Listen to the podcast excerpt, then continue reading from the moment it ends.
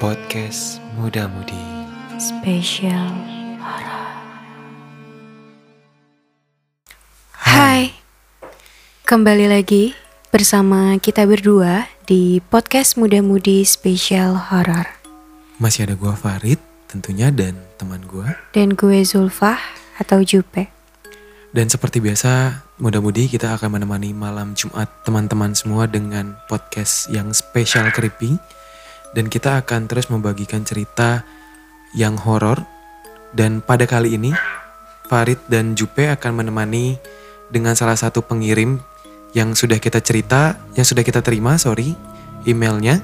Betul. melalui pemuda kontak sorry. Melalui email kita di redaksi pemudafm@gmail.com dan? Dan mungkin langsung aja kali ya kita sudah tersambung eh, via telepon dengan em, pengirim email kita. Mungkin eh, boleh langsung diperkenalkan dengan siapa di sini? Halo, Halo, halo. Dengan siapa Mas? nama saya Suyatno dari Cilacap. dari Cilacap ya Dari Cilacap. Oke. Sebelumnya Mas Suyatno sudah pernah mendengarkan podcast Muda Budi spesial horor ya Halo. Halo, Iya, sebelumnya Mas Suyatno sudah pernah mendengarkan podcast muda-muda muda-mudi spesial horor belum? sudah. Sudah. Sudah, Mas. Oke. Oke, Mas sebelumnya eh, tahu dari mana sih Mas kontak eh, email kita sehingga Mas Suyatno bisa kirim ceritanya nih Mas? Iya, jadi mencet begitu mencet itu langsung terdengar. Oh sudah pernah dengar berarti ya dicarinya melalui Google mungkin. Iya bisa di Google bisa. Oke, Eh, Mas Suyatno saya dan Jupe ngucapin makasih banget karena Mas Suyatno sudah sharing cerita pribadinya dan menurut kita ceritanya cukup horor ya Mas. Mhm. Kita Baik, punya. memang itu Mm-mm. memang itu fakta dan nya- nyata saya saat alami. Nyata ya Mas ya. Itu di tahun berapa Mas? Tahun 2017 bulan Juli. Bulan Juli. Tanggal 1 ya Mas Iya. ya? Habis lebaran. habis lebaran. Oke mas, kalau gitu langsung aja Iya. diceritain mas dari awal pengalamannya sampai eh, saat ini mungkin keadaan atau kondisi Mas Suyatno seperti apa?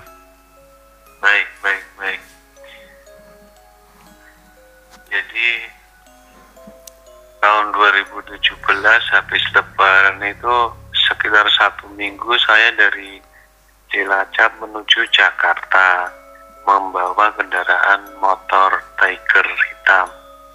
Itu saya dikabarkan kecelakaan di Cikampek, Simpang Jumin. Jadi nyampe sekarang itu saya tidak merasa jatuh. Tapi berdasarkan fakta dan data-data dari Polsek, Polres, rumah sakit, tujuh rumah sakit itu ada. Jadi saya dirawat di rumah sakit Isa Cikampek itu tidak sanggup dibawa ke rumah sakit Siloam Purwakarta tidak sanggup juga. Habis itu dibawa ke RSUD Cilacap. Sedangkan perjalanan dari Purwakarta nyampe Cikampek itu 9 sampai 11 jam itu ada. Di ambulan tanpa infus, tanpa obat apa pun. Wow. Oke. Lalu kemudian dibawa ke rumah sakit Margono Purwokerto. Nah di Purwokerto ini kepala saya di operasi nyampe dua kali. Mhm. Nah itu cerita fakta saya itu. Tapi di saat saya tidak sadarnya satu minggu itu, saya ibaratnya itu di empat alam yang berbeda. Jadi pertama saya di bukit, terus suatu benda putih dari angkasa itu besar sekali, kemudian mengeluarkan sesuatu menghantam bumi. Sedangkan habis itu lenyap ke atas lagi angkosa sip lagi terus keluar air lumpur tanah mengalir ke bawah. Nah di sana itu memang tidak ada malam dan siang hanya tiga atau lima orang itu saya tanya di mana ini di mana ini mereka tan mengataui saya dan tidak menjawab pertanyaan saya. Lalu saya ikutin aliran lumpur itu ke bawah. Nah di sini subhanallah, saudara-saudariku, saya bersama bahkan nyampe jutaan lebih orang itu terendam lumpur merah pekat dan mereka itu berteriak-teriak kesakitan. Teriak-teriaknya wah wah begitu. Sangat luas sekali. Dan suara mereka berdengung sangat besar sekali. Dan hanya kelihatan kepala dan tangan mereka jadi saya coba gapai satu orang dari antara jutaan orang itu tidak bisa sama sekali tidak bisa. Bisanya hanya hening, sunyi, pohon-pohon pun cuma merenduk lesu gitu. Oke. Okay. Kasihan mereka. Akhirnya saya coba pergi lagi meninggalkan mereka. Nah, di sini saya berketemu suatu kampung. Jadi kampung ini begitu banyak seperti orang di pasar itu. Cuma mondar mandir ke sana kemari ke sana kemari. Saya terus bertanya-tanya di mana saya ini. Di mana saya ini? Mereka ndak ada yang satu pun yang bisa menjawab rumah mereka hanya dengan kayu atapnya ilalang jadi seba, semacam kehidupan suatu hewan bebek. Jadi ke sana kemari, sekana kemari, ke sana kemari, tidak ada henti-hentinya. Habis itu saya tinggalkan kampung lagi, naik ke bukit lagi, melihat tiga orang di suatu lubang di tanah hanya menjilatin tanah mereka tiga orang. Saya tanya mereka juga tidak mau jawab. Pada akhirnya saya ke atas lagi naik lagi ketemu bukit yang sangat luas dan indah sekali di sana.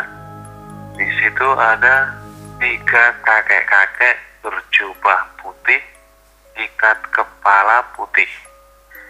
Wajah mereka seperti wajah orang luar.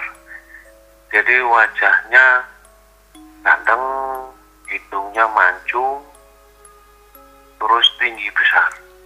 Saya tanya di mana kayak ini saya Alhamdulillah satu kakek menjawab tidak apa-apa. Nanti kalau di sana lagi berbuat yang baik-baik saja ya baik kayak saya jawab begitu tapi lama Gak lama langsung saya memecah melihat itu atap rumah saya. Pada hmm. akhirnya saya sadar sudah di rumah. Jadi walaupun empat lima rumah sakit, lima rumah sakit sampai kepala dioperasi dua kali itu saya tidak tahu. Alhamdulillah. Ini cerita dan fakta saya, kisah saya. Jadi poinnya yang saya ambil dari tiga kakek-kakek lagi tadi berbuat yang baik-baik saja. Berarti di dunia nyata sekarang ini. Dan di lingkungan istri saya pun banyak juga yang mengatakan saya istilahnya seperti mati suri begitu. Oke. Okay. Mm-hmm. Saudara-saudara, ya. Oke Mas Soyatno, ada beberapa pertanyaan nih Mas. Ya. eh, pada saat Mas Suyatno kecelakaan saat itu apakah berkendara sendiri atau ada orang lain yang Mas Suyatno gonceng juga Mas? Berkendara sendiri saya. Sendiri ya? Ya. Itu pada saat malam hari, siang,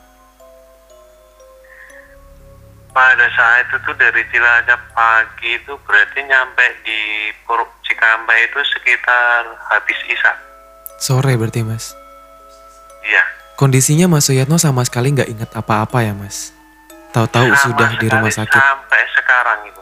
Sampai sekarang nggak tahu apa-apa. Yang tahu cuman kejadian pada saat di alam lain ya Mas ya. Mhm. Iya. Oke. Kemudian Mas Suyatno pertanyaan dari saya lagi Mas. Eh, pada saat, eh, mohon maaf Mas Suyatno mati suri mungkin ya bahasa seperti itu. Eh, Iya. Mas Suyatno kan tadi ada di empat, Empat alam yang empat berbeda. alam yang berbeda. Empat alam yang berbeda. Mungkin amit-amit Iya. ya Mas, yang lumpur merah itu mungkin bisa kita gambarkan seperti nauzubillah neraka seperti itu Mas. Apakah Mas Suyatno Iya, merasakan iya. merasakan hal seperti apa Mas di tempat itu? Sana itu ya nggak ada pikiran sudah nggak ada, akal juga nggak ada. Cuma pikiran saya hanya bertanya di mana saya ini, di mana ini begitu. Kondisinya menyeramkan sekali ya Mas ya. Pasti ya. Mengerikan sekali di sana itu, mengerikan sekali. Saya di sana itu hidupan saya itu seperti dunia saat ini dengan jelasnya, wah luar biasa itu di sana itu. Oke. Em, itu kan kejadian sudah tiga tahun lalu ya Mas Suyatno. Ya, nah, Untuk kondisi saat ini bagaimana kalau Mas Suyatno sendiri?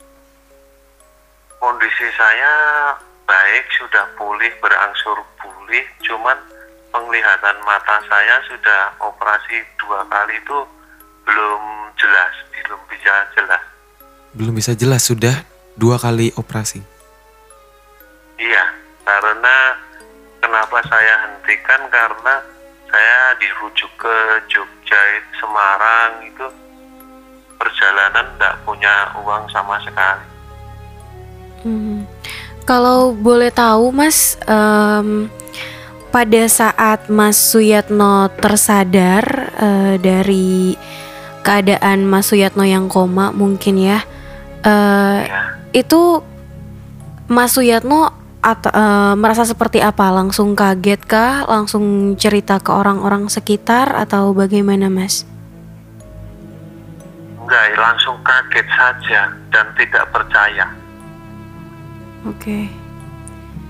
dan melihat istri saya melihat ini datanya ini dari polseknya motornya di sini terus kepala saya tidak ada tempurungnya itu saja Kebetulan kita juga kebetulan kita juga menerima foto-foto yang sudah Mas Suyatno kirim melalui email ya Mas. Ada foto tentang eh, foto yang menceritakan kondisi Mas Suyatno pada saat di rumah sakit dari belum sadar, kemudian sadar dan juga ada, Ada surat keterangan foto. dari kepolisian Betul. yang menerangkan bahwa Mas Suyatno memang dalam keadaan kecelakaan ya Mas Suyatno ya. Iya Oke. Eh, kemudian setelah Mas Suyatno sadar, adakah perbedaan Mas dari sebelumnya Mas Suyatno sebelum kecelakaan dan setelah eh, mungkin bisa dibilang mati suri? Ada perbedaan mungkin? perbedaannya memang kepala saya memang peyok terus bicaranya rada bibirnya rada kurang pas gitu tapi ya menurut saya pas tapi Oke. Tidak pas. Kelihatan orangnya tidak pas ya Mas? Mhm. ya? Ya, dilihat oleh orang lain keadaan kondisi fisiknya tidak pas, tapi Mas Suyatno merasa itu sudah normal seperti itu ya. iya begitu begitu. Kadang-kadang ya ibarat orang bodoh gitu. Tapi saya tidak seperti itu. Wajahnya pun kadang kelihatan kan yuk. Kasihan begitu. Tapi menurut saya tidak bisa biasa saja saja Hmm. Wah, ini luar biasa Mas Suyatno. Kita berdua, saya Farid dan Jupe beserta Iya. teman-teman muda-mudi ya spesial horror bisa dapat cerita langsung dari Mas Suyatno Mhm. dalam keadaan yang Iya. mungkin Mas Suyatno juga belum stabil 100% ya Mas ya. Iya, karena memang penglihatan mata saya kurang begitu kurang memang. Oke. Oke. Eh, sekarang kondisinya Mas Suyatno ditemani oleh istri atau kerabat keluarga yang lain? Istri saja di rumah, di tempat istri saya kan Cilacap. Oh, kalau Mas Suyatno sekarang pribadi lagi di mana, Mas? Sekarang di Cilacap, emang masih di Cilacap. Oh, tapi tidak sama istri kondisinya ya. Sama istri sekarang. Oh, lagi sama istri. Istrinya ada di sebelahnya, Mas. Istri saya ada, ada- iya ada. Ada ya. Oke. Mas Bis- bisa tidak Mas kita berkenan berbicara dengan istri juga?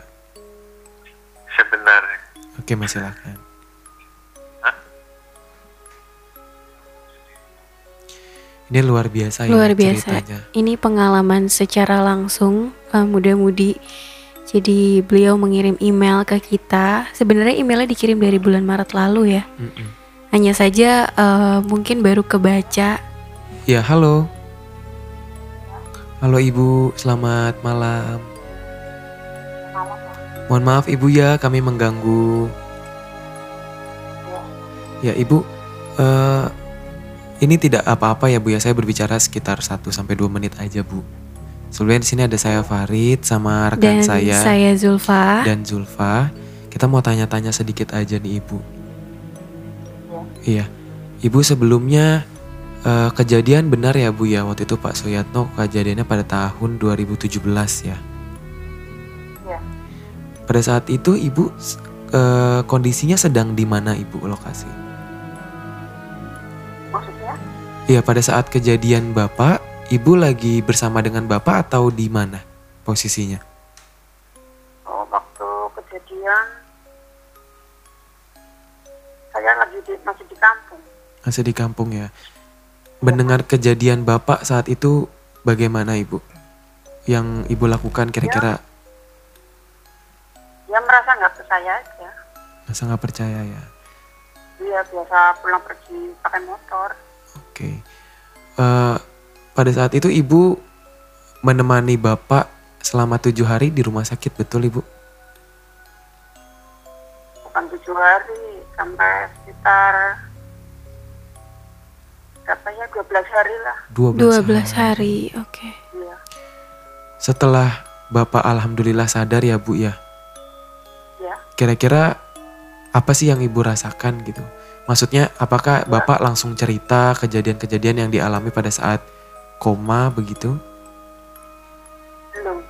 Belum. Soalnya belum semuanya ini sih apa namanya? Pulih. Belum semuanya pulih ya Bu ya?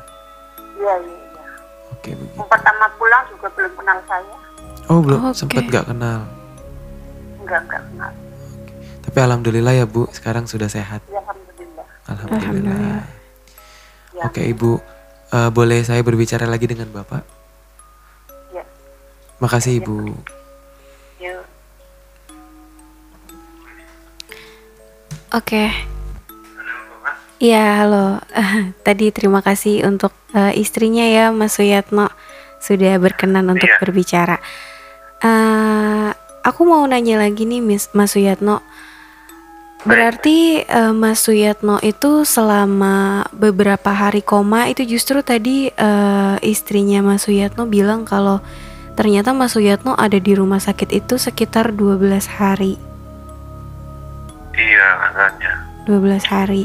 Berarti itu dari eh, Mas Suyatno itu hanya mengingat ketika Mas Suyatno terakhir kali berkendara motor dan kemudian terbangun gitu ya. Iya, terbangunnya di rumah. Oh, terbangunnya di rumah. Sudah Oke. di rumah. Sudah Iya. di rumah berarti keadaannya ya. Iya, karena rumah sakit Cikampek, Purwakarta, Cilacap itu enggak tahu. Purwokerto juga enggak tahu. Oke. Berarti memang benar-benar tidak sadar ya pada saat itu. Dan Iya, total. kalau boleh tahu nih Mas Suyatno, hmm, Iya. boleh diceritain gak sih sama muda-mudi separah apa Iya. kecelakaan yang dialami oleh Mas Suyatno? Separahnya ya menurut saya bukan seorang manusia biasa soalnya kepala itu sudah terbelah terus otaknya juga dikecilin yang satu Oke. iya Berarti eh pa- agak parah di bagian kepala ya Mas ya?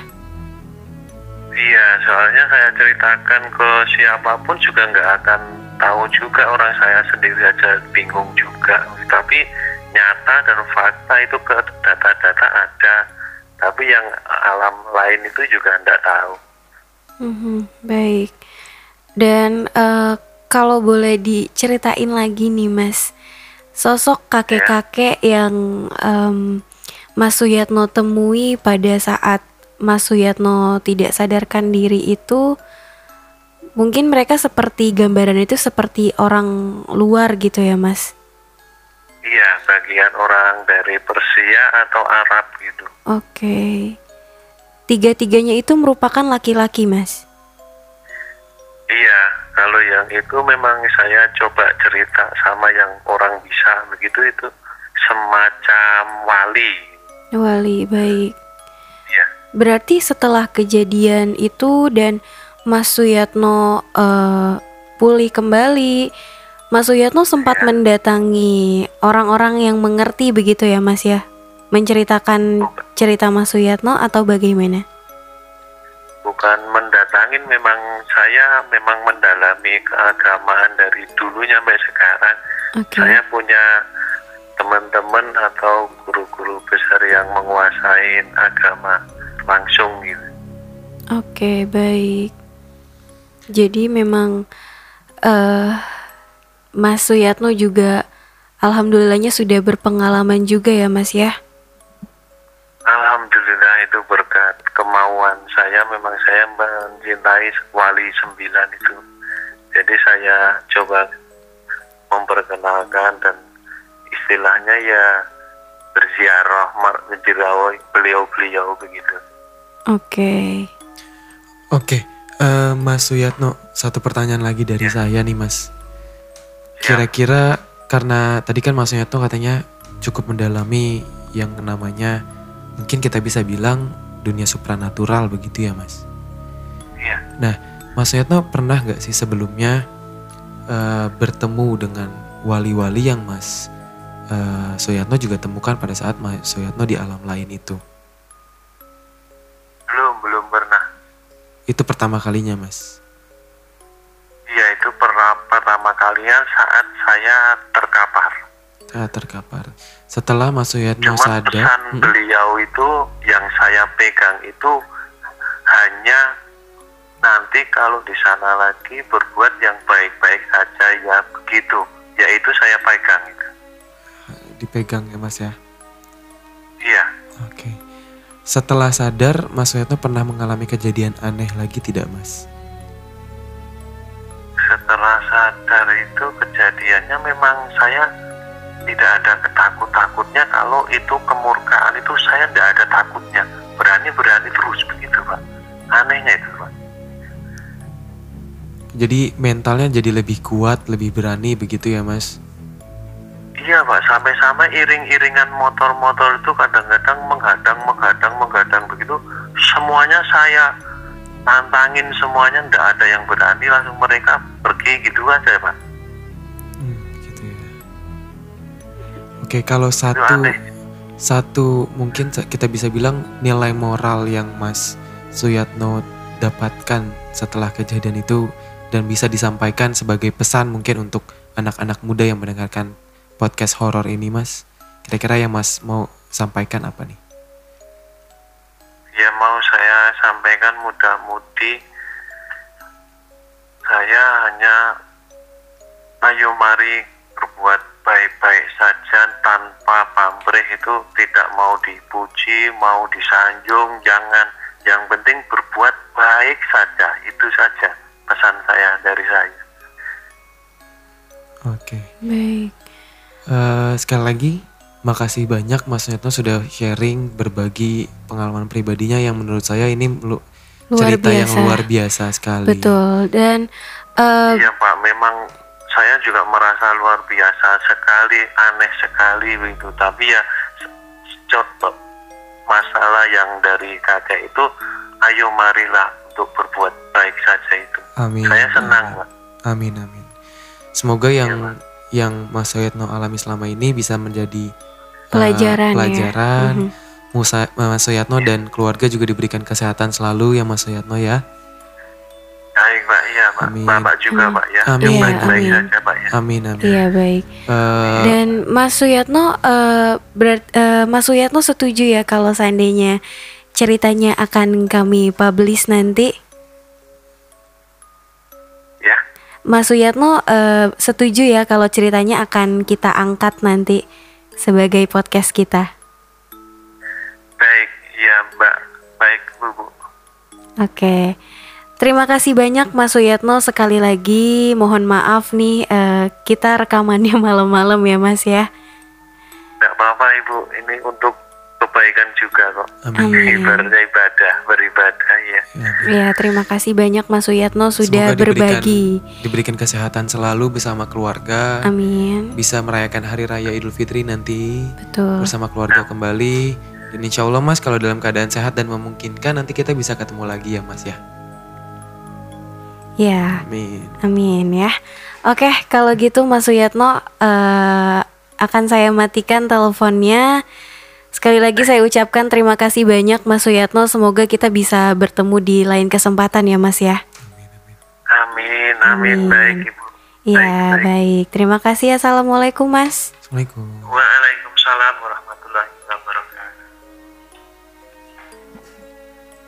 Oke anak muda kita udah sharing untuk pertama kalinya kita tidak berbicara soal makhluk gaib Makhluk gaib, betul. tapi kita berbicara soal pengalaman pribadi di mana mungkin kita bisa bilang percaya nggak percaya Betul. tapi berdasarkan gambar yang kita terima ya Jupe Mhm. kita menerima fotonya ketika Mas Soyatno kecelakaan, Kecelakaan dirawat di rumah di sakit rumah sakit dan keadaan beliau pada saat beliau koma. itu seperti apa? Serta beliau juga menyertakan surat dari, kepolisian, keterangan bahwa beliau itu memang mengalami kecelakaan pada eh, tahun 2017 itu. Betul sekali. Ini menjadi tamparan buat kita semua gak sih? Di tengah-tengah kondisi yang seperti ini ya. Gue sempet speechless banget sih anak muda pas dengerin. Makanya tadi di awal gue diem banget. Sebenarnya gue udah tahu ceritanya karena Mas Suyatno sudah eh, Kirim apa email namanya sebelumnya. kirim email sebelumnya gitu. Tapi ketika diceritakan langsung ini rasanya benar-benar berbeda dan tambah merinding banget gitu ya. Yang menjadi poin terpenting mungkin atau puncaknya adalah ketika Mas Soyatno ketemu empat alam yang berbeda itu menurutku yang betul. yang parah, itu udah menggambarkan unbelievable gitu, betul udah menggambarkan, banget kondisi yang amit-amit itu mungkin neraka bisa lebih parah dari itu. Mhm, betul jadi Gue nggak bisa ngomong apa-apa. Gue juga speechless banget sih asli anak muda ini ah real banget ya. Memang banyak banget sebenarnya kejadian-kejadian atau cerita-cerita yang mungkin pernah kita dengar nonton di YouTube atau eh, di Betul. mana pun gitu. Tapi pada saat mereka menceritakannya secara langsung itu akan jauh lebih berbeda dan lebih masuk ke dalam hati kita gitu ya. Betul banget. Oke, kalau gitu eh, mungkin itu aja kali ya podcast Muda Mudi spesial horor kita pada malam Jumat ini. Sekali lagi karena di tengah kondisi seperti ini mudah-mudahan teman-teman diberikan kesehatan selalu. Amin. Jangan lupa tetap eh, jaga jarak, social distancing untuk tetap di rumah aja. Betul. Sayangi diri kita masing-masing. Semoga selalu dalam lindungan Tuhan Yang Maha Esa. Amin. Oke, kalau gitu sampai jumpa di podcast Muda Mudi spesial horor Selanjutnya. selanjutnya. Jangan dengerin sendirian. Hai anak muda, Jangan lupa dengerin podcast Muda Mudi hanya di platform podcast digital favorit kalian setiap hari Senin jam 7 malam. Jam 7